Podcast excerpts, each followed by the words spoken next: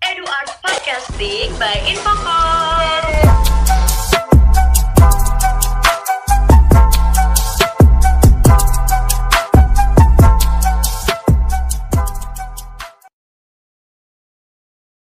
Selamat malam, Assalamualaikum warahmatullahi wabarakatuh.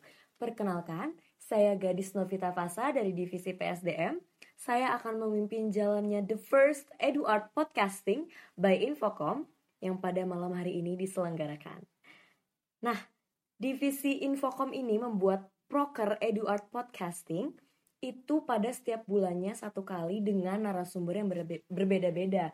Nah, pasti kita pengen tahu dong siapa aja sih narasumbernya. Untuk yang pertama, malam ini spesial banget.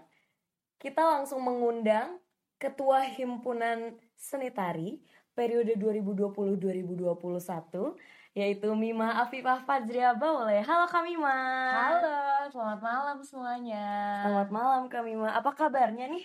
Baik, alhamdulillah dan happy dan capek dan banyak ya kabar. Baik, baik, baik. Campur aduk ya Kak. Oke, aku pengen tahu nih. Gimana sih kuliahnya pada saat pandemi seperti ini? Eh, kuliahnya seru sih. Seru, iya beneran seru. Justru eh, saya sih ngerasanya lebih ekstra ya malah biasanya tuh kalau langsung ke kampus tuh pakai baju ya udahlah apa aja gitu. Tapi sekarang tuh malah pengen pakai bajunya rapi, bagus, pengen make up gitu. Padahal di rumah tapi malah ekstra. Bener-bener. Jadi seru sih. Dan Pasti capek sih. juga sih. Nah, pasti pada penasaran kan di The First Edu Art Podcasting ini kita bakal bahas apa sih? Kita itu bakal bahas seputar organisasi nih. Nah, langsung aja. Menurut kami, Ma, apa sih organisasi itu? Organisasi kalau menurut saya adalah tempat belajar. Jadi organisasi itu adalah salah satu tempat di mana saya bisa finding uh, who I truly am gitu, finding Oke. myself. Oke, oke. Terus sejak kapan sih Kak Mima aktif berorganisasi? Sejak kapan tuh sejujurnya sejak kuliah ya, karena dulu pas Oke. sekolah SMP SMA tuh sibuknya sibuk les sekolah tuh cuma ya udah belajar nggak ikut organisasi apa apa pulang les sabtu minggu tampil gitu jadi baru aktif organisasi sih kuliah Kuliah. Terus kan kalau kita lihat-lihat nih, Kak Mima tuh kayak aktif banget. Terus tuh idenya nggak habis-habis gitu. Nah, biasanya tuh di mana sih kakak menemukan inspirasi atau ide-ide itu? di mana nemu inspirasi sama ide? Di mana mana sih ya. Lagi jalan lagi bengong lagi duduk lagi ngobrol. Jadi sebenarnya saya juga nggak bisa prediksi kapan eh, saya dapat ide inspirasi sih. Jadi ya di setiap momen tuh ada aja gitu. Nah biasanya karena saya termasuk suka lupa juga kalau udah dapet ide nih inspirasi tuh langsung tiba-tiba nge-call temen atau tiba-tiba eh, nulis atau tiba-tiba langsung ngomong ke orang yang bersangkutan gitu Oke. supaya nggak lupa jadi di mana-mana sih nggak ada tempat Oke. spesifik Menarik sekali. Selanjutnya nih karena aktif di organisasi, siapa sih yang menjadi sosok motivator kakak? Mengapa dia dijadikan sebagai motivator? sosok motivator kalau menurut saya pribadi setiap orang itu bisa jadi motivator sih buat kita ya karena setiap orang tuh punya keunggulan terus Betul. punya apa ya punya hal yang bisa bikin kita belajar gitu jadi saya nggak punya siapa gitu satu orang jadi motivator tapi setiap orang tuh bisa jadi tempat saya belajar Hmm, bisa jadi motivator saya bisa jadi inspirator gitu, gitu jadi semua orang betul betul. Nah, selain itu apa sih motivasi kami mengikuti himpunan mahasiswa? Wah ini pertanyaannya kayak mau masuk himpunan ya. Eh, motivasinya itu sebenarnya eh balik lagi ke definisi organisasi menurut saya adalah tempat belajar. Jadi motivasinya ya pengen belajar gitu, pengen Oke. belajar lebih lagi, pengen nyari wawasan pengalaman baru gitu. Oke, oke. Terus apa sih yang membuat kami mas semangat di himpunan? Is there any someone special or there is something another yang membuat kami tuh semangat buat berorganisasi? Pengennya sih ada ya sama, tapi Oke. nggak ada ya. Jadi yang bikin semangat itu sebenarnya karena apa ya? Kalau misalnya saya itu orangnya nggak suka setengah-setengah, ya udah udah masuk nih himpunan nyebur nyebur sekalian gitu, nggak mau ya udah cuma ciprat-cipratan gitu Iya, kan betul, sayang. Jadi totalitas kalian gitu, mendingan mati-matian, abis-abisan dibanding Betul setengah-setengah. Gitu yang bikin semangat. Jadi nggak ada ya, tapi kalau ada sih boleh. Boleh juga. Aduh. Nah, terus nih, kenapa sih Kak Mima tertarik untuk ikut mencalonkan diri menjadi ketua himpunan? Calonkan diri mungkin lebih dicalonin ya. Oh, oke. boleh tanya orang-orang kenapa nyalonin saya? Tapi kalau ditanya kenapa mungkin eh, saya ngerasa ternyata keberadaan saya keterlibatan saya di himpunan itu berpengaruh gitu cukup berpengaruh untuk Oke. teman-teman. Dan ya mungkin dengan itu saya bisa kontribusi lebih gitu untuk Kimastar ini. Mungkin karena beberapa orang juga ngelihat there is something special in you gitu. aduh jangan dipuji lah Makanya teman-teman semua jadi Mima aja, Mima aja, mungkin kayak gitu kali ya. Terus nih, pasti kakak pernah mendengar kata orang yang bilang, Kak Mimnya cewek. Nah, how could you face it? kahim cewek itu wah banyak eh, statement kayak gitu tuh banyak banget ya sering kita dengar kayak Iya. kok cewek jadi ketua emang Nah. gak ada cowok kok ketuanya cewek loh cowoknya mana gitu sebenarnya apa ya eh ya cewek juga mampu gitu perempuan yang mampu untuk Betul. eh, menduduki posisi di mana biasanya diduduki oleh laki-laki gitu. Nah.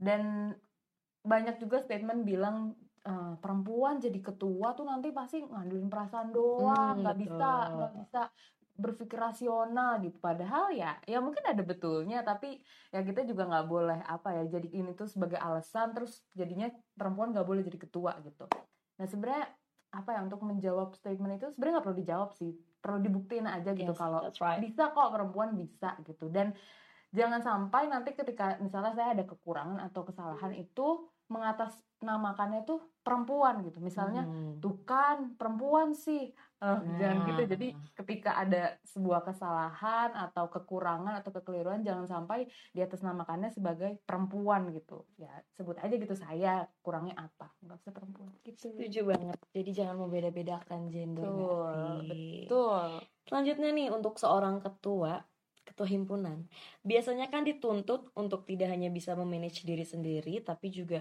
dituntut untuk bisa memanage anggotanya juga. Nah, bagaimana kakak menghadapi itu?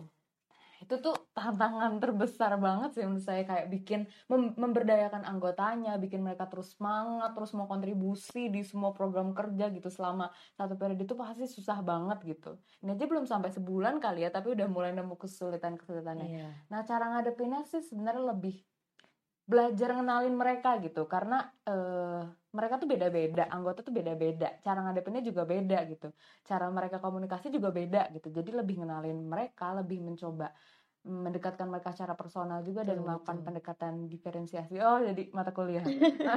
jadi karena ya harus sadar sih intinya mereka semua tuh beda dan gak bisa disamaratakan. Betul Gitu. banget. Terus nih biasanya dalam organisasi itu kan pasti selalu ada aja kendala. Nah, bahkan itu tuh kadang di luar harapan kita gitu. Baik itu mengenai keaktifan anggota maupun pelaksanaan program kerja. Untuk menghadapi itu, persiapan apa yang kakak rancang untuk menghadapi kemungkinan tersebut? Apalagi kita bisa melihat situasi sekarang yang sedikit banyaknya tuh menjadi kendala dalam pelaksanaan program kerja. Apalagi masa pandemi ya. Betul banget. Betul, kendalanya sinyal. Pasti Zoom. sih. Segala macam. Iya jadi intinya apa sih yang saya persiapkan untuk menghadapi segala kemungkinan yang mungkin Iya, terjadi gitu iya. kan?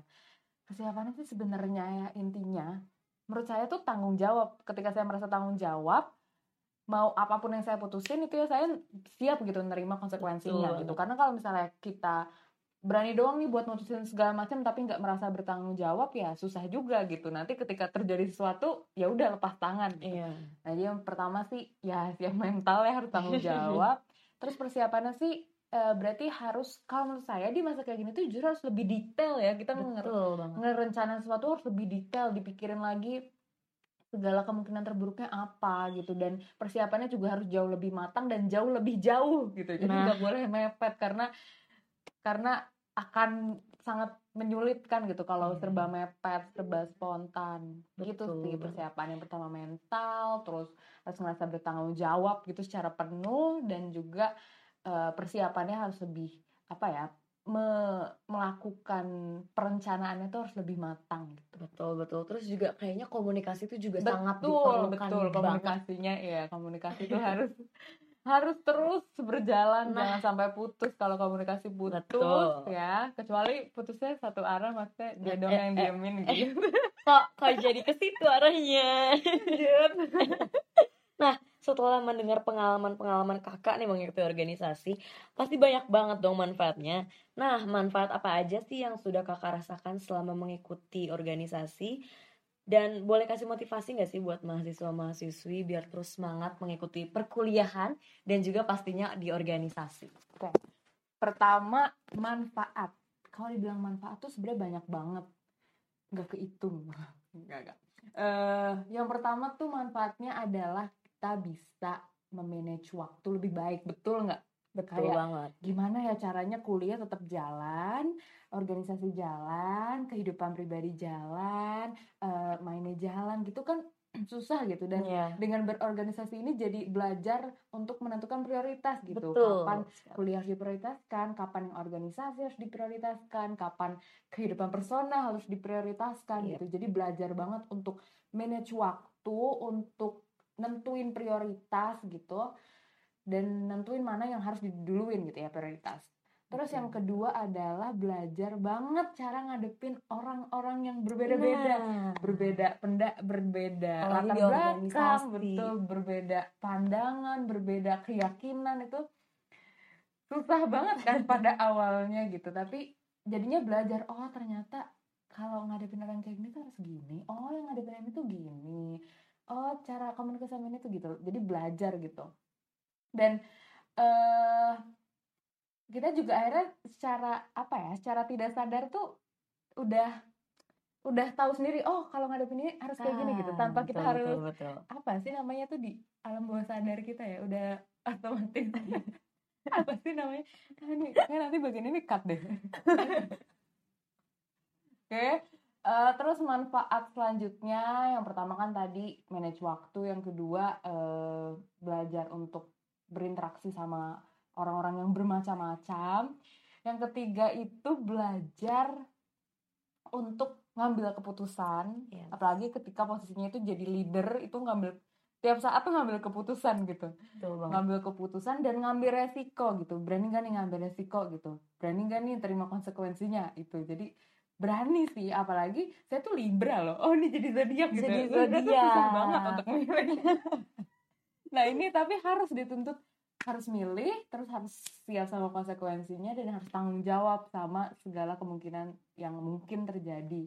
Itu terus juga manfaatnya ketemu orang baru ketemu teman baru nambah relasi pastinya nam- networking. Iya. karena banyak banget kalau misalnya teman-teman tahu yang kuliah tuh nggak dapet apa-apa gitu. Katanya pas lulus tuh aduh belajar apa tuh lupa. Tapi network networknya tuh wah luas banget sampai dapat kerja segala macam itu dari teman-teman kuliah dari teman-teman organisasi gitu. Jadi itu sangat bermanfaat.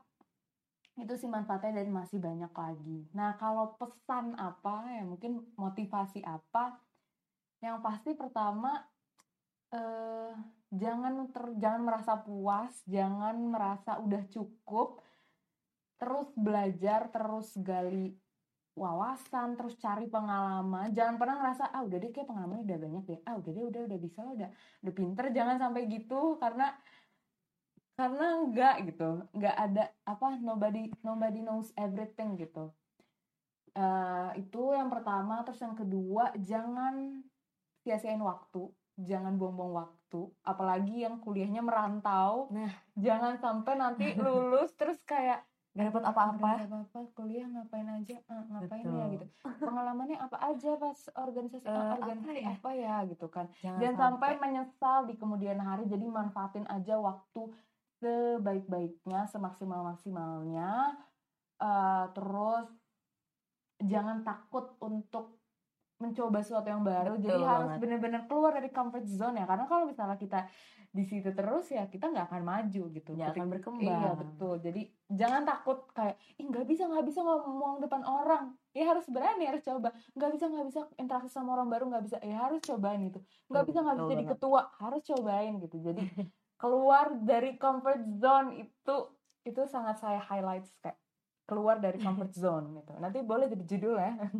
Keluar dari comfort zone. Dan em, em, udah sih itu aja paling motivasinya yang penting terus semangat belajar jangan sia waktu dan keluar dari comfort zone kalian. Wow, keren banget nih dari pertama, dari pertanyaan pertama sampai pertanyaan terakhir tuh what an interest answer from Kak Mima ya ampun. semoga bermanfaat. Amin amin. Oke Kak Mima thank you banget nih udah mau luangin waktu buat kita buat eh, Proker Edu Art Podcasting by Infocom. Semoga eh, apa yang telah kami Mima sampaikan itu dapat menjadi dapat dijadikan motivasi sama mahasiswa mahasiswinya dan semoga bisa bermanfaat juga ya. Oke teman-teman sampai jumpa pada Edu Art Podcasting by Infocom yang selanjutnya. Wassalamualaikum warahmatullahi wabarakatuh. Dadah. Dadah.